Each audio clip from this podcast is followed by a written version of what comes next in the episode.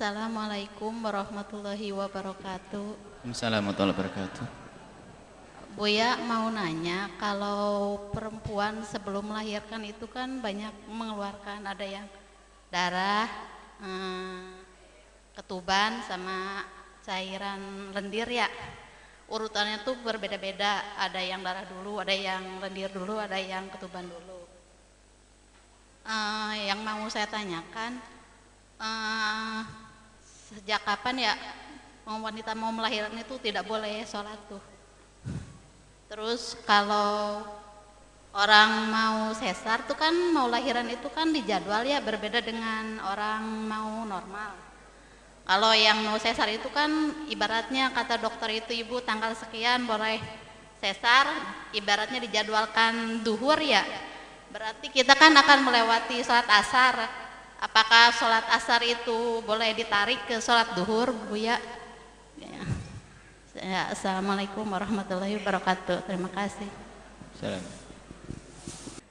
Masalah darah. Darah yang mengiringi kelahiran berbeda dengan darah yang datang sebelum kelahiran. Kalau datang yang darah yang datang sebelum kelahiran, sebelum kelahiran dalam tempo yang cukup, beberapa hari sebelum kelahiran, maka darah yang datang sebelum kelahiran itu asalkan masuk rumus head maka akan dihukumi darah head sebab menurut madhab kita Imam Syafi'i seorang wanita head masih mungkin eh seorang wanita hamil mungkin untuk head kecuali madhab Malik. Tapi kalau darah yang mengiringi kelahiran itu adalah bukan darah head darah yang mengiringi kelahiran. Jadi tidak dihukumi sebagai darah head adapun cairan putih yang bukan darah yang datang sebelum kelahiran juga bukan penghalang untuk sholat.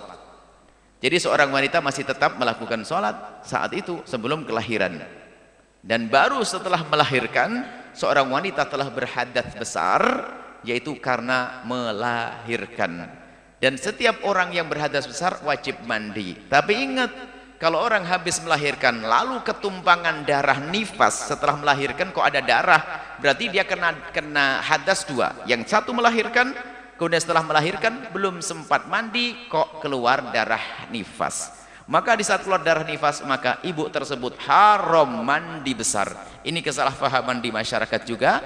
Seorang ibu yang baru melahirkan dipaksa sama ustadznya suruh mandi besar.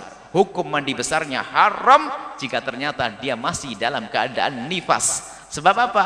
kalau dalam keadaan nifas hadas tidak terangkat. Kalau dia mandi besar main-main ibadah maka hukumnya haram. Tapi kalau ibu habis habis melahirkan kemudian masih ada nifas ada darah keluar darah nifas ibu bolehlah mandi keramas yang bersih biar wangi. Jangan sampai ibu-ibu yang datang merasa merasa nggak nyaman. Ibu baru melahirkan bawa jeruk terus ya nggak enak. Jadi keramas boleh yang nggak boleh niat mandi besar itu. Kemudian jika ada orang mau disesar itu kemudian dia mau menjamak sholatnya boleh ibu. Bahkan bukan mau sesar yang sakit. Ibu pengen menjamak nggak usah pergi. Jadi ibu boleh menjamak sholat di rumah yaitu waktu ibu sakit. Mau? Nggak mau. Sakit aja biar bisa jamak terus.